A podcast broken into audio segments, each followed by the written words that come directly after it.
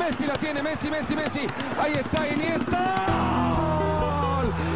¡Gol!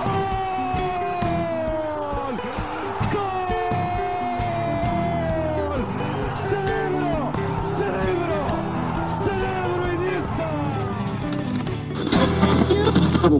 de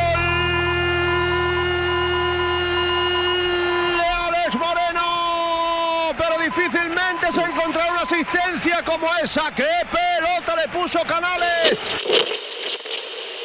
¡Qué golazo! De Vinicius en una jugada maravillosa, en un carrusel de toques. Balón para Serginho Dest, en el área, toca atrás para Busquets, Busquets de primeras para Jordi Alba y viene el asistente del gol, busca otra vez para Dembélé, le pega Dembélé, la se Frenkie de Jong que remata, gol, gol, gol, gol, gol, gol, gol, gol, gol, gol, gol, gol, gol, gol,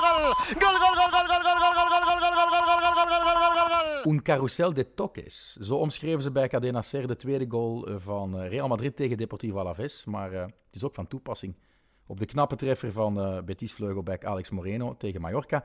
En zeker ook op die heerlijke goal, collectieve goal van uh, Barcelona. Frenkie de Jong, die uh, afwerkt met een glansrijke actie van uh, Ousmane Dembélé tegen Valencia. Ik vind eigenlijk die van Vinicius Koen het mooiste, omdat de vooracties van Benzema en Asensio zo knap waren. Hè? Met die no-look pass ook nog eens van Asensio.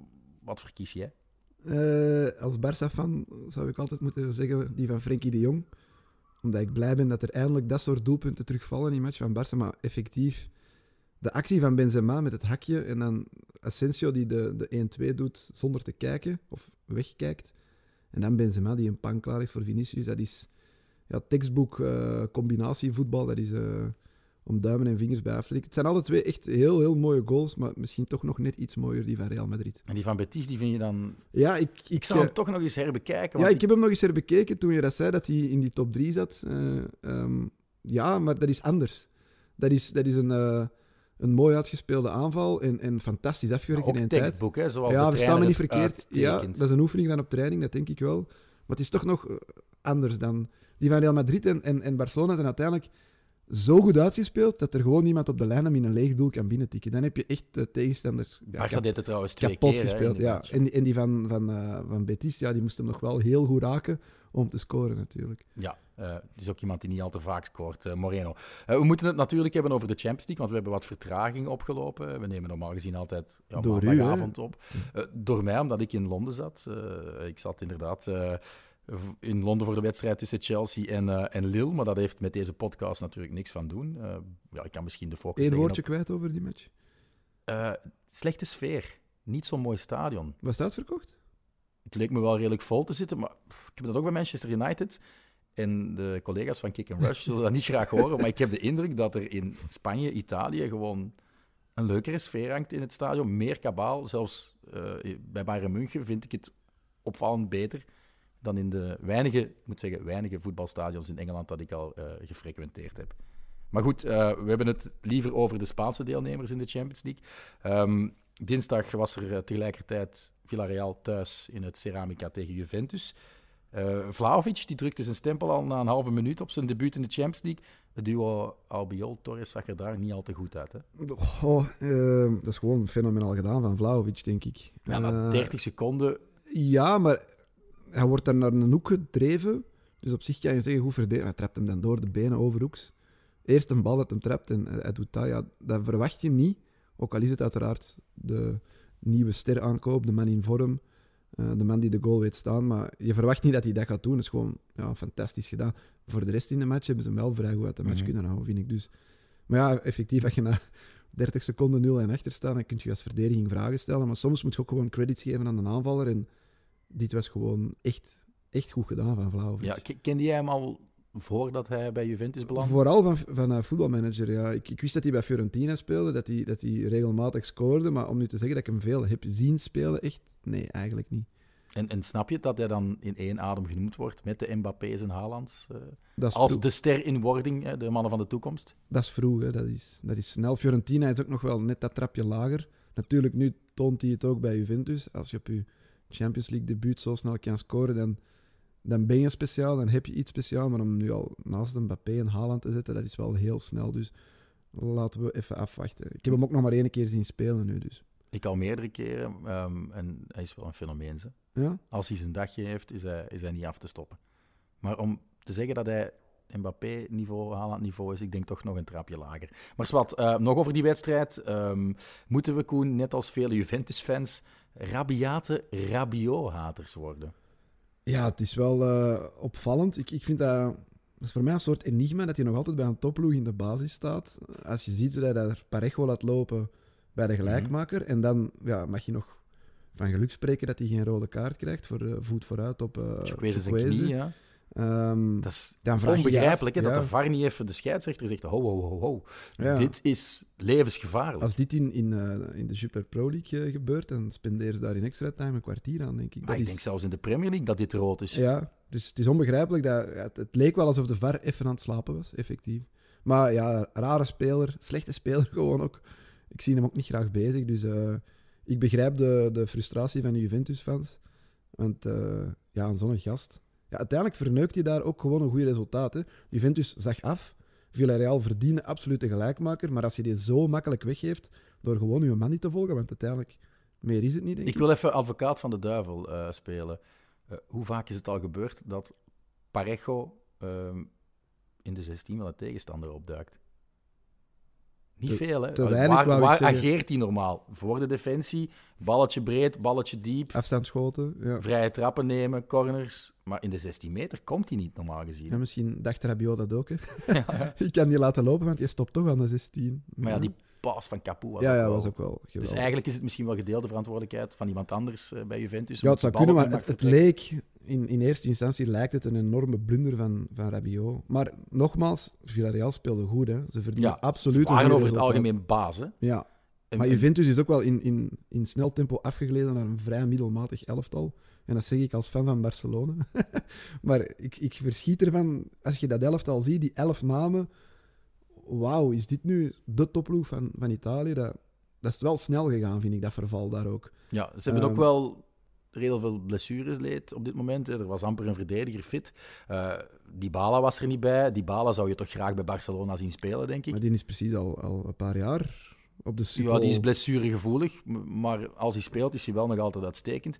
En Chiesa is out for the season. Ja. Dat maakt ook wel een wereld van verschil voor Juventus. Maar we zijn niet Lo Stadio, we zijn natuurlijk Croqueta. Eh, maar de prestatie van Villarreal schept wel hoge verwachtingen, denk ik, voor de return. Ja, ze, zijn, ze, hebben de return gered. hè. 0-1 was moeilijk geweest, maar zelfs dan had ik ze een goede kans gegeven. En ze zijn gewoon in vorm. In La Liga hebben ze ook eh, 2-0 gewonnen op Betis. Toch de ploeg van het seizoen tot nu toe. Nu dit weekend die hattrick van Danjuma op het veld van Granada. Het zit allemaal mee, de flow zit goed. Dus, dus eh, ze kunnen absoluut in die terugmatch een resultaat neerzetten. En ze maken nog altijd een heel mooie kans op, eh, op een ticket voor de kwartfinale. Daar geloof ik absoluut in, ja. Eh, woensdag, eh, gisteren dus, was er Atletico Madrid-Manchester United 1-1. Ehm straffe stat toch? Atletico verloor thuis eh, in Europees verband niet meer sinds februari 2013 tegen Rubin Kazan. Rubin Kazan dan nog. En Ja. dat was pre-Simeone. Ja. Ja, want die kwam in 14, dus... Nee, nee, nee, het is niet waar. Simeone is er in december 2011 bijgekomen. Ah, 11, oké. Ja. Dus het was toch onder Simeone. ja, het was onder Simeone. Ja, maar toch straffe stad, dat is 9 jaar. Wacht, wat zei je? December? Dat is acht jaar Februari geleden. 2013. Ah, februari, ja, dat is 9 jaar. Ja. Eh, ik zag voor de match een tweet van iemand die een poll had gemaakt. Eh, wat moet Simeone doen als hij de keuze zou hebben? De Gea wegplukken uit het doel van Manchester en voor ja, dit duel tussen de paal zetten in plaats van Oblak? Of Oblak gewoon tussen die sticks houden? Mm, De Gea speelt zijn beste seizoen in 5, 6, 7 jaar. Oblak speelt zijn allerslechtste seizoen ooit. Ja, klopt. Nu, ja, gisteren hebben ze allebei eigenlijk heel weinig Ja. moeten doen. Ik denk niet dat ze een save heeft, hebben moeten verrichten, maar dit weekend zag ik wel terug de Oblak zoals we hem kennen. Ik denk dat hij ook zijn eerste clean sheet pakt op verplaatsing ja. sinds... Tegen Osasuna. Nee, Barça denk ik, vorig jaar. Ja, nee, maar de match was tegen Ah, dan- ja, Osasuna. ja, ja. ja, wel. En, en het was ja, van mei, vorig seizoen geleden, dat hij op verplaatsing de nul hield. Oké, op zijn Atletico's, met een bal op de paal van Osasuna, een paar goede saves en Oblak. Maar zo kenden we die ploeg en zo Maar kenden we ook Oblak. daar wacht ik Nee, op. een wondersave heeft dat hij dat niet heeft hij volgens mij ook echt nodig om zelf weer te beseffen. Maar- Maar behoort tot de wereldtop. Kijk, gisteren die kans, of het doelpunt van Manchester United. Ik denk dat de allerbeste Oblak, Die had dat gestopt. hè. ja, die heeft hij volgens. Dat is niet De schuld is denk ik wel het happen van Reinildo. Uiteraard. Absoluut onnodig. En uiteindelijk verschijnt er een speler, eh ik ben even zijn naam kwijt, Elanga, denk ik. ja, Eh, alleen voor, alleen voor, voor u, vanuit de schuine hoek. Dus dat is een 100% kans. Maar de beste Oblak wint daar het pleit, zeker van zo'n jonge spits. Die kruipt in zijn hoofd, verkleint zijn hoek, maakt het onmogelijk om hem daar zo rustig binnen te leggen. En ook iets in mij zegt misschien dat de Gea, de, de Gea van dit seizoen die daar misschien wel iets mee had kunnen doen. Ehm, maar ja, ik denk nog altijd wel on the long run. ah, Ik kan niet dat Oblak ineens vergeten is dat je moet keepen. Dus ik denk on the long run dat je beter met, de, eh, met Oblak zit dan de Gea. Maar eh, op dit moment, ja, het is een moeilijke discussie. Ik weet niet wat een Atletico-fan daarvan vindt. Want je kunt onmogelijk Oblak haten of daar kwaad op zijn. Nee, maar dit hetzelfde verhaal het is Simeone. Hè. Het loopt niet van een Nee. dakje dit seizoen. Vraag aan de gemiddelde Atletico-supporter, moet hij vervangen worden? Die zeggen nee, want hij heeft veel te veel gedaan voor ons. En hij is, ja, hij is gewoon de man die in één adem eh, synoniem ziet met Atletico. Hij heeft ook zijn eigen stijl en daar houden ze wel van natuurlijk. vorige week was volgens mij wel het dieptepunt. Hè? Die inhaalmatch thuis tegen Levante. de Maar ja, dat is allerlaatste. een zwarte beest. Ja, oké, maar dan nog, die staan allerlaatst. Die, die, ja, die sukken echt al een heel seizoen. En die komen dan winnen op Atletico. En Atletico had in die match zelfs geen enkel schot tussen de palen. Mhm. En ze zetten dat dan recht dit weekend met, met wel een Ja, goede ik- prestatie. Ik, geef ze ook een heel goede kans om het misschien zelfs ver te schoppen in de Champions League. Ik denk wel dat ze Manchester United kunnen uitschakelen. Sowieso. Ja, dat, dat kan wel. Als je nu ook gisteren de match zag, 1-1 was geen correcte weergave van, Nee, van die de- match. na de 1-0 hadden ze moeten doorduwen. Ja, tuurlijk. 2-3-0 was perfect mogelijk. Dat denk ik wel. United was rijp voor de slag. Maar je zag ook bij de rust de frustratie bij de spelers van Man United. Het liep daarvoor geen meter. Ook de verdiensten uiteraard van Atletico, van het spel van Atletico. Ik vond die tackle van Savage. veel Die tackle van. Savage, helemaal in het begin. Dat was echt een statement maken van je welste. Maar als je daar een fractie van een seconde te laat Ja, dan ben je, wel, ja, ben je echt wel de, de zware pineut. Maar het was wel echt nog eens het Dat oude Rashford? Atletico. Rashford die tackle, denk Ja, ik. denk het, ja. Die op snelheid hem eigenlijk eraf liep, maar Savic nog net snel genoeg om hem... Ja, met een zeis, maar zo Mm. zuiver en toch zo hard. En je merkte ook dan, publiek veert recht. Mhm. Dat De willen, sfeer was geweldig. Hè? Die dat willen ze zien. Eh, ja. Vuela Atletico eh, vond ik schitterend gedaan. Eh, toch eens bewijzen dat het Calderon ook opnieuw ja, kan leven in het Metropolitano. Want er wordt dikwijls gezegd hè, dat ja, sinds het eh, verdwijnen van het oude stadion het allemaal wat fletser geworden is. Misschien ook een beetje meer toerisme, omdat Atletico toch als merk ook aan het groeien is. Eh, ze halen ook wel, wel jonge eh, talenten uit het buitenland. En daarvoor, Hm. daarover wil ik het even hebben. João Felix, die goal, die is fantastisch. Hè? Ja, en, en verder ook. Het is, het is de Joao Felix waar je, wat was het, 120 miljoen voor betaalt. Ja, de man die je ook in één adem noemde met Mbappé. Mm, jij misschien. Ik, ja. Ja, ehm, maar die, die daar staat hij ook nog sorry, niet. ik vond die Robin van Persie-esk. Maar van het weekend ook, hij scoort. Eh, hij geeft die assist voor Suarez. Akkoord, Suarez moest toch heel veel doen. Ja, maar die assist was ook knap, hè? Die was ook knap, ja. Dat is direct de counter opzetten. Hij groeit naar zijn beste vorm, maar denk ik. waarom haal je hem dan altijd naar de kant? Gisteren snapte ik volledig niet. Ik denk dat de match ook een beetje kantelde op dat moment. Op het moment dat die Tegen Felix was het juist hetzelfde.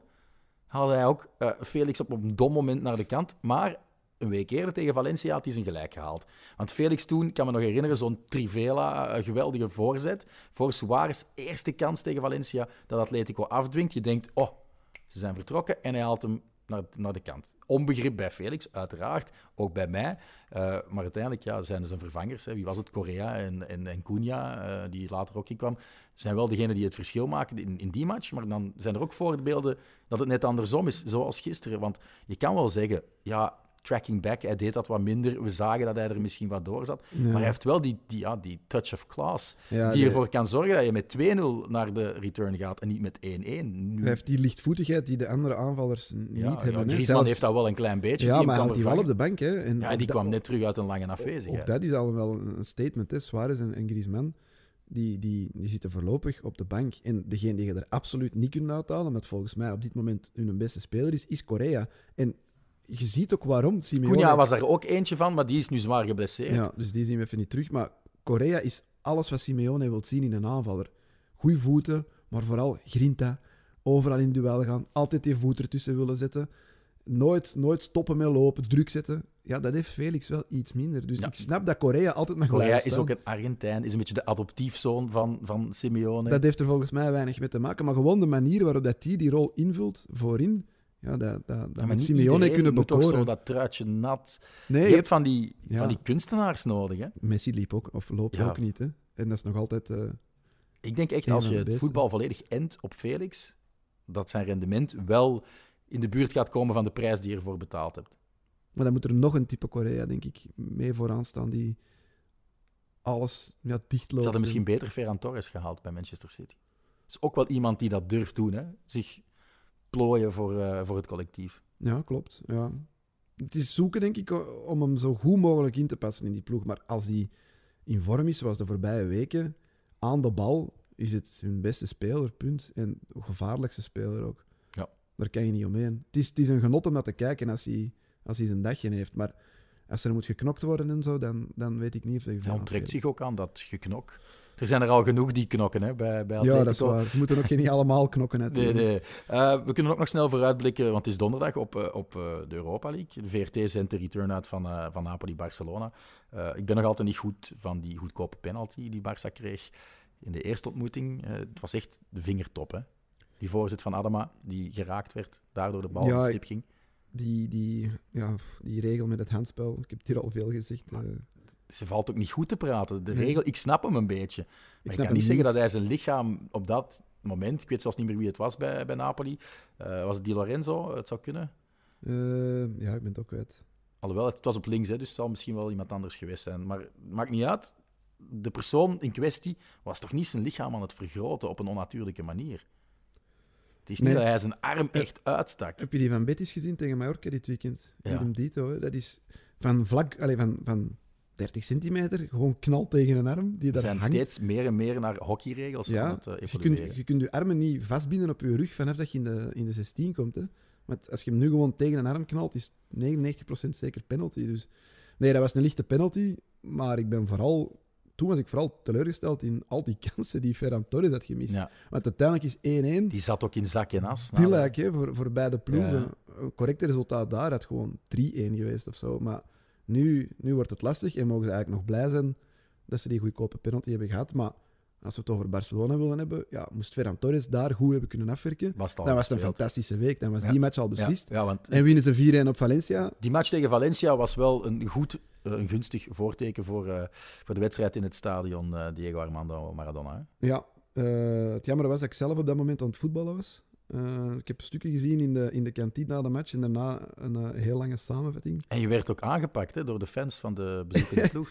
Ja, was, ik, ik had hier vorige week gezegd dat, dat ik centraal achteraan had eh, gedebuteerd, dat dat relatief gemakkelijk was en goed was meegevallen. Ja, de tweede match gaat dan altijd een pak slecht. Ja, we zijn echt van het kastje naar de muur gespeeld. Verloren 1-4, maar ik denk dat het eh 1-10 had kunnen zijn. Echt weggeblazen. En eenmaal in het slot van de match eh, begonnen een paar supporters van die tegenpartij te zingen. eh Amai, Koentje Frans, is dit nu Spaans voetbal? En zo uh, treiterend zo naar mij tijdens de match. Ik vind het al gek dat op uw niveau er echt een groepje supporters Ja, ik denk dat dat de reserve... fanliederen beginnen Ja, te Ik zingen. denk dat dat dan de reserve zijn die misschien daarvoor hebben gespeeld en dan blijven kijken. Ik weet niet wat het... Ja. Waren, ja, ik denk zo een tiental Maar echt harmonie. Verschillende supporters samen. samen die- die een liedje zongen over mij, over kroketten. Ja. Ik, ik moet ook wel is zeggen, wel ik word er vaker ook op aangesproken. Als ik in voetbalstadions kom voor mijn werk. Ah, croqueta. Of ja, eh, ah, je hebt de, Maar waarom is dat altijd met zo'n treiterende ondertoon? Zo. Eh, Dat zijn, nu was hem... dat zijn Vlamingen in het Ah, ja. algemeen, denk ik. En ook mijn eigen ploegmaats ehm, hadden gehoord dus dat, dat ik had gezegd dat het nogal makkelijk is om centraal van achter te staan. Dat dat gewoon eh, ja, een beetje in positie staan en het spel wel lezen en zo. Maar dus de, de vaste centrale verdedigers die voelden zich wel op hun teen getrapt, omdat ik een beetje eh, oneerbiedig over hun positie in, in de ploeg had gepraat. Dus bij deze, ik heb het nu dit weekend aan de lijve ondervonden. Is fucking moeilijk, Ja. centraal van achter staan. En, en de, affi- de affiche, eh, zeg nog eens. Hoe De- heten de twee teams? Waar ik tegen had gespeeld. Ja, ja, jouw team en dan het team. Ah, dat was Valarov Olve. 1-4 was de uitslag. En de winnende ploeg was? Olve. OV. Ah ja. En Ja. dat is dus het Barcelona. En jij, jij en je team was het Valencia van het voetbalweekend. het, was, het was zelfs erger. Het verschil was veel groter. Ik voelde, eh, wij waren het Mirandes of zo. en zij waren ja, Real Madrid of zo. Oké. Eh, wat mogen we nog verwachten van de returnwedstrijden van de andere Spaanse Europa League-deelnemers? Er is de wedstrijd tussen Real Sociedad en Leipzig, de wedstrijd tussen Betis en Sint-Petersburg en Dynamo Zagreb en Sevilla. Ze staan er allemaal goed voor. Ehm, Sociedad heeft nog wel serieus wat werk. Ze hebben 2-2 gespeeld in Leipzig, wat een prima resultaat is. Maar ze hebben de weerslag daarvan gehad dit weekend. Weggeblazen eh, zondagavond in de Baskische derby door Athletic Club 4-0. Dus ik, ik vraag me af in hoeverre dat, dat mee gaat spelen. Uh, Zubimendi zei achteraf ook uh, dat er toch wel wat fysieke vermoeidheid was. Um, en dat de kopjes naar beneden gingen vanaf de eerste goal van, van Athletic Club binnenvloog. Dus ik denk dat die, die ploeg in de breedte misschien niet zo sterk is als wij dachten. Ze zijn ook een beetje aan het wegzakken in La Liga. Maar die 2-2 op Leipzig is wel gewoon voor een ploeg als Real Sociedad prima resultaat. Dus ze moeten dit misschien wel kunnen afmaken. Natuurlijk, de uitgoal-regel telt niet meer. Dat is jammer. Anders zou je misschien kunnen speculeren op 0-0 of 1-1. Maar het kan wel. De andere twee, ja, Real Betis gaan winnen op Sint-Petersburg. Dat zie ik ze niet meer verknallen thuis. Die zijn ook gewoon in zo'n goede doen dat die er misschien zelfs kunnen over. Ja, en ze hadden in Sint-Petersburg Fekir en Canales niet eens nodig, want die waren er niet bij. En nee, dus, die wel gebruiken. Dus dat zie ik wel goed komen. En Sevilla, die hebben het thuis ja, 3 tegen Zagreb. Ook dat zie ik niet meer echt fout lopen. De twee die, die nog serieus wat werk hebben zijn Sociedad en Barça. Maar mits wat geluk, fingers crossed, is 4 op 4. En, en toch ook tegen goede en ploegen. in de Champions League 2 op 2. Alleen 3 op 3, sorry, Real even vergeten. Die moeten natuurlijk ook nog. Real wordt moeilijk, hè? Ja. Um, Villarreal, ja, en Atletico. Het is geen prima uitgangspositie, maar ook daar, die uitgoolregel is weg. Dus 1-1 op eigen veld. Maar ik, ik Hoeft niet gewoon, dramatisch ik te zijn. gewoon heel hard uh, uh, dat er een Spaans team de Europa League en de Champions League wint uh, dit seizoen. Champions League Zodat we niet altijd door de mangel gehaald worden door, door Tim Wieland en co. maar je moet toegeven dat, dat er dat er ja, de, de, beste ploegen in Europa op dit moment komen misschien niet uit Spanje, maar in de breedte is het nog altijd wel... Het niveau is hoog. Mhm. uh, als je ziet hoe Villarreal tegen een Man United speelt, als je ziet hoe Barça tegen een Napoli speelt, die, die toch ook mee, als ik me niet vergis, die speelt toch mee voor de titel in Italië. Dus ja, het niveau in Spanje in de breedte ligt gewoon wel echt hoog. Zoals je dat die tegen Leipzig een goed resultaat kunnen, kunnen neerzetten.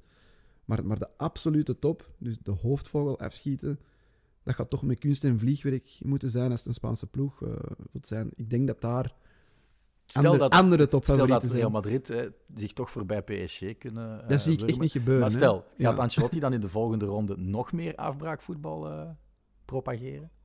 Omdat zijn tactiek dan het gewerkt van die heenmatch. Ja ik, ik begreep En omdat het ook op die manier zal moeten tegen de Manchester Cities van deze wereld. Ja, als je ziet hoe, hoe dat ook Tottenham het, het, het flikt. Of ja. Conte vindt het niet leuk. maak de vergelijking met Sporting, die wel dachten, we gaan gewoon lekker meevoetballen en die kregen er 0-5 om de oren. Ja, dat is duidelijk niet de juiste tactiek. Maar oké, Sporting is natuurlijk Real Madrid niet. Maar um, ik weet het niet. Ik, ik, vond het wel opvallend bij Real Madrid dat ze eigenlijk ja, een heel match onderliggen op, op, uh, op Paris Saint-Germain. Goed wegkomen met 1-0 Courtois pakt daar gewoon een goede match, want het had meer kunnen zijn.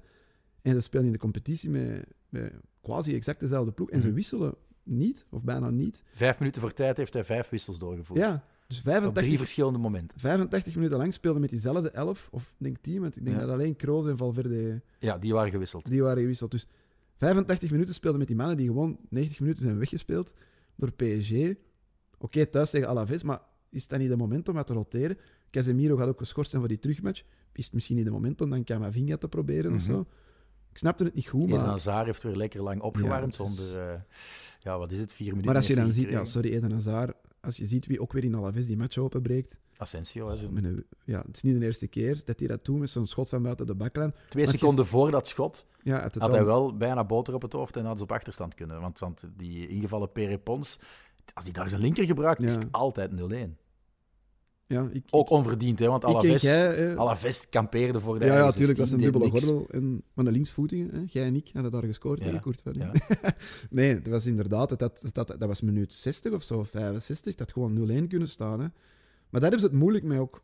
Dat is niet alleen Real Madrid, maar daar hebben veel uh, Spaanse topploegen het moeilijk mee. Zo'n ploeg die echt op de eigen helft kampeert, alles dichtsmijt. Ja, dan, dan heb je een touch of class of een mhm. touch of genius nodig om dat open te breken. En bij Real Madrid kijk je dan al snel naar Vinicius of voor schoten van op afstand, Asensio. Allemaal in het nadeel van Eden Hazard, want die kan zo'n match op dit moment niet openbreken. dat zal Ancelotti ook wel weten. En Gareth Bale, dat was ook maar een korte opflakkering. Hè? Ja, dat is terug weg. zijn je wel van een hak op de tak aan springen, heb ik de Ja, ik weet het, maar... eh, Zit er een lijn in? Het is wel een brugje naar de titelstrijd. Hè. We hebben het Ah, ja. over Real nu eh, voldoende gehad. Eh, ze hebben wel gewonnen met 3-0. En ja, Espanyol heeft Sevilla op 1-1 gehouden. Dus het verschil is weer eh, gegroeid. En voor de spankracht in de competitie is dat weer slecht nieuws. Het is nu zes punten. Zes punten. En ja, Barcelona heeft een match minder. Winnen ze die, dan komen ze ook op zes punten van, van Sevilla. Dus het verschil tussen Sevilla en de vierde plek is even groot als tussen Sevilla en de eerste plek. Dus, En weer vergeet je Real Betis. ja, die staan er nog tussen. Ik heb gezegd vierde plek, hè. Ja, Betis ja, staat er nog tussen. Maar dit weekend... Je gaat er al vanuit dat Barça tot bij Sevilla de nummer 2 geraakt. Dus dan vergeet je Ik, eigenlijk ik te denk dat dat, dat dat op termijn wel kan gebeuren. Ja. Dat, dat de twee clubs uit Sevilla 3 en 4 zullen worden. Of het gaan uitvechten met Atletico en misschien nog Villarreal. En, en dat Barça gaat opschuiven naar... het- Die zijn duidelijk aan het komen. Terwijl, terwijl Sevilla een beetje... Ja, die hebben nu denk ik van hun laatste vijf matchen er vier gelijk gespeeld of zoiets. Mhm. Maar Betis staat op vijf punten van Sevilla. Heeft ook nog wel een bonus van vier punten op, eh, op Barça. Dus als die de derby Nee, winnen... match meer, hè?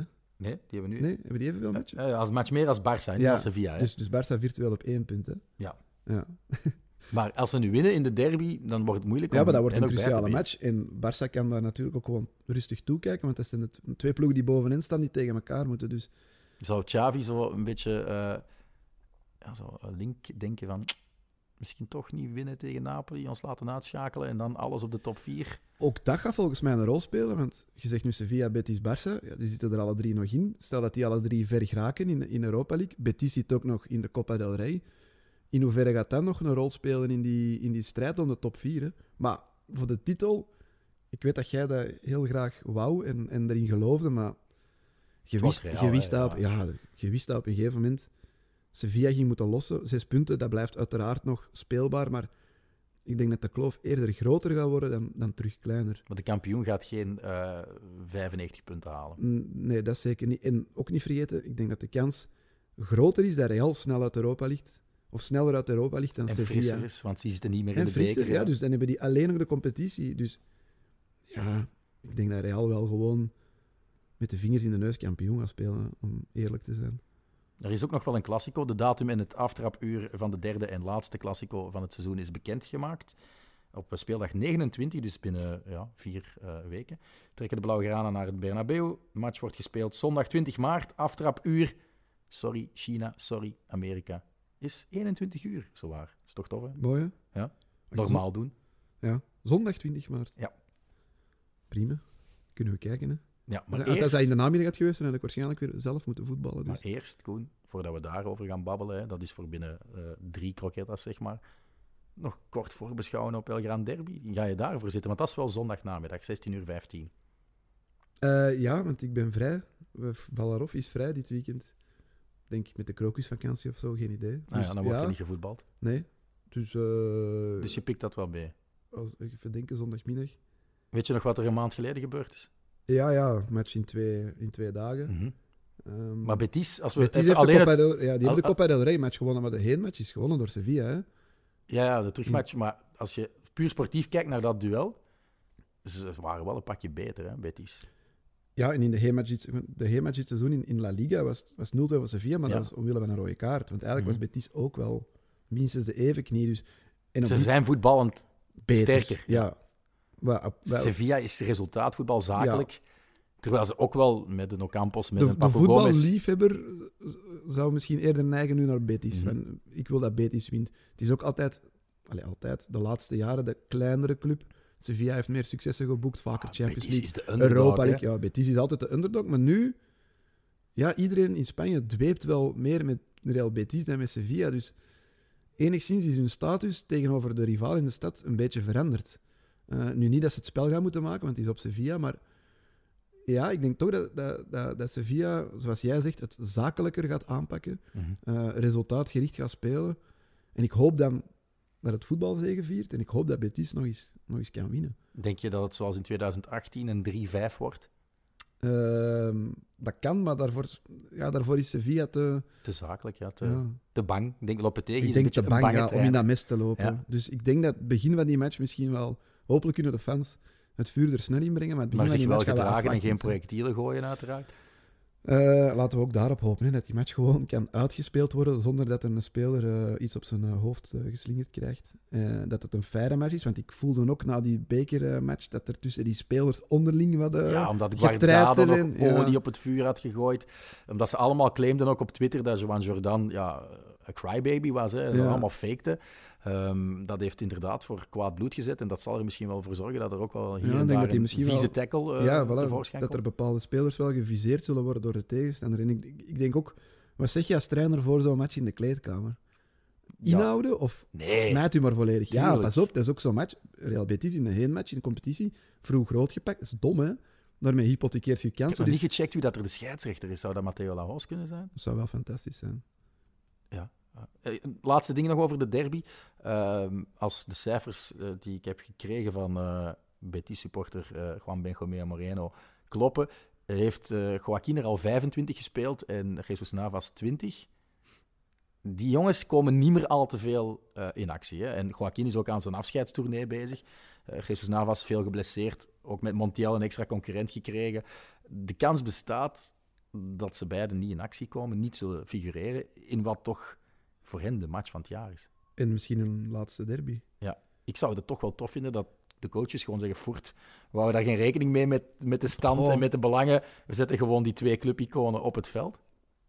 Ja, maar dat, dat- ja, dat- zo werkt het niet, hè? Op je veertigste Joaquin nog beslissend Ja. zijn in een derby. Dat, zou toch fantastisch zijn. Heeft Totti dat ook niet op een heel hoge leeftijd nog gedaan Ja. tegen Lazio? Ik vind Totti nu nog net een niveautje hoger. Ja, ook, ook anders natuurlijk. Hè. Veel aanvallender en, en nog meer internationaal bekend dan die twee. Maar, ehm, en ook altijd maar alleen bij die club gevoetbald. Hè. Denk Ja, Joaquin is inderdaad nog bij Valencia, Malaga en Fiorentina eh, gaan, gaan Jesus voetballen. Navas bij Manchester City. Dus. Maar ze zijn nu al wel enkele, ja, ik denk Joaquin tien jaar terug is en, en Jesus Navas toch ook al een goede Ja, vijf on- jaar. ongelooflijk veel respect voor die gasten. En, en waarschijnlijk zullen de supporters het ook wel mooi vinden. Moesten ze allebei, ook al is het maar vijf minuten, mogen meedoen. Maar ja, zo, zo werkt het niet. Hè. De, de sterkste elf spelen. En, en ik denk dat het gewoon belangrijk is ook voor, voor die ploegen. Dat zo'n gast in die kleedkamer zit, dat hij daarbij betrokken is.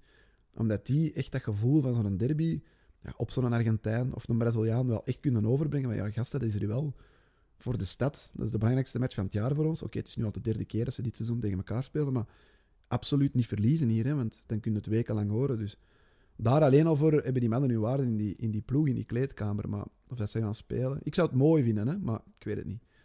Uh, Jules Koundé, die pakte rood hè, tegen uh, Espanyol, is die eigenlijk geschorst? Ik denk dat Sevilla misschien in beroep kan gaan en dat hij dan toch die derby kan spelen. Want dat zou anders wel een aderlating uh, Ja, zijn. lomp, lompe gast, hè, sorry. Ik vind dat een geweldige verdediger. Ja. Maar nu weer die rode kaart. Foutjes, hè? nog altijd foutjes. In dat koppetje zit het niet Maar altijd. foutjes, dat, dat zijn reacties. Mhm. Gelijk met Jordi Alba, toen tegen Barça.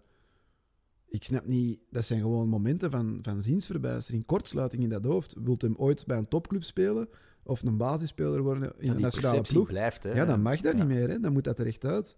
Want dat, dat, ik denk dat dat zelfs zijn transferwaarde naar beneden haalt. Dat je zo'n speler hebt die om de zoveel matchen het gewoon verliest en een rode kaart pakt. Maar is ook degene die ook wel in de club zelf al voor wat deining heeft gezorgd, omdat hij weg wilde, niet wegraakte, niet wilde opdagen dan voor training.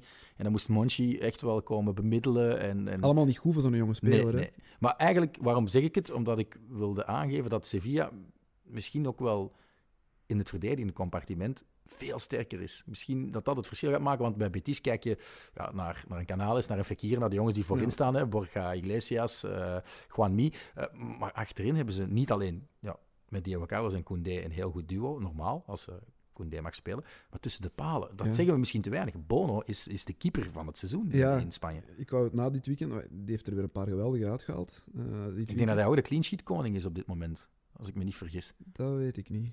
Hij gaat er al sinds dichtbij zijn om de trofee Zamora te winnen. Samen met Courtois, de, waarschijnlijk degene die eh Maar effectief, in de ze, hebben die gemist als hem naar een Afrika Cup was. En, ehm, en het is gewoon echt een, een heel complete doelman geworden. En ook mede door het falen, want, want je vergeet hier nu wel heel gemakkelijkheidshalve Courtois.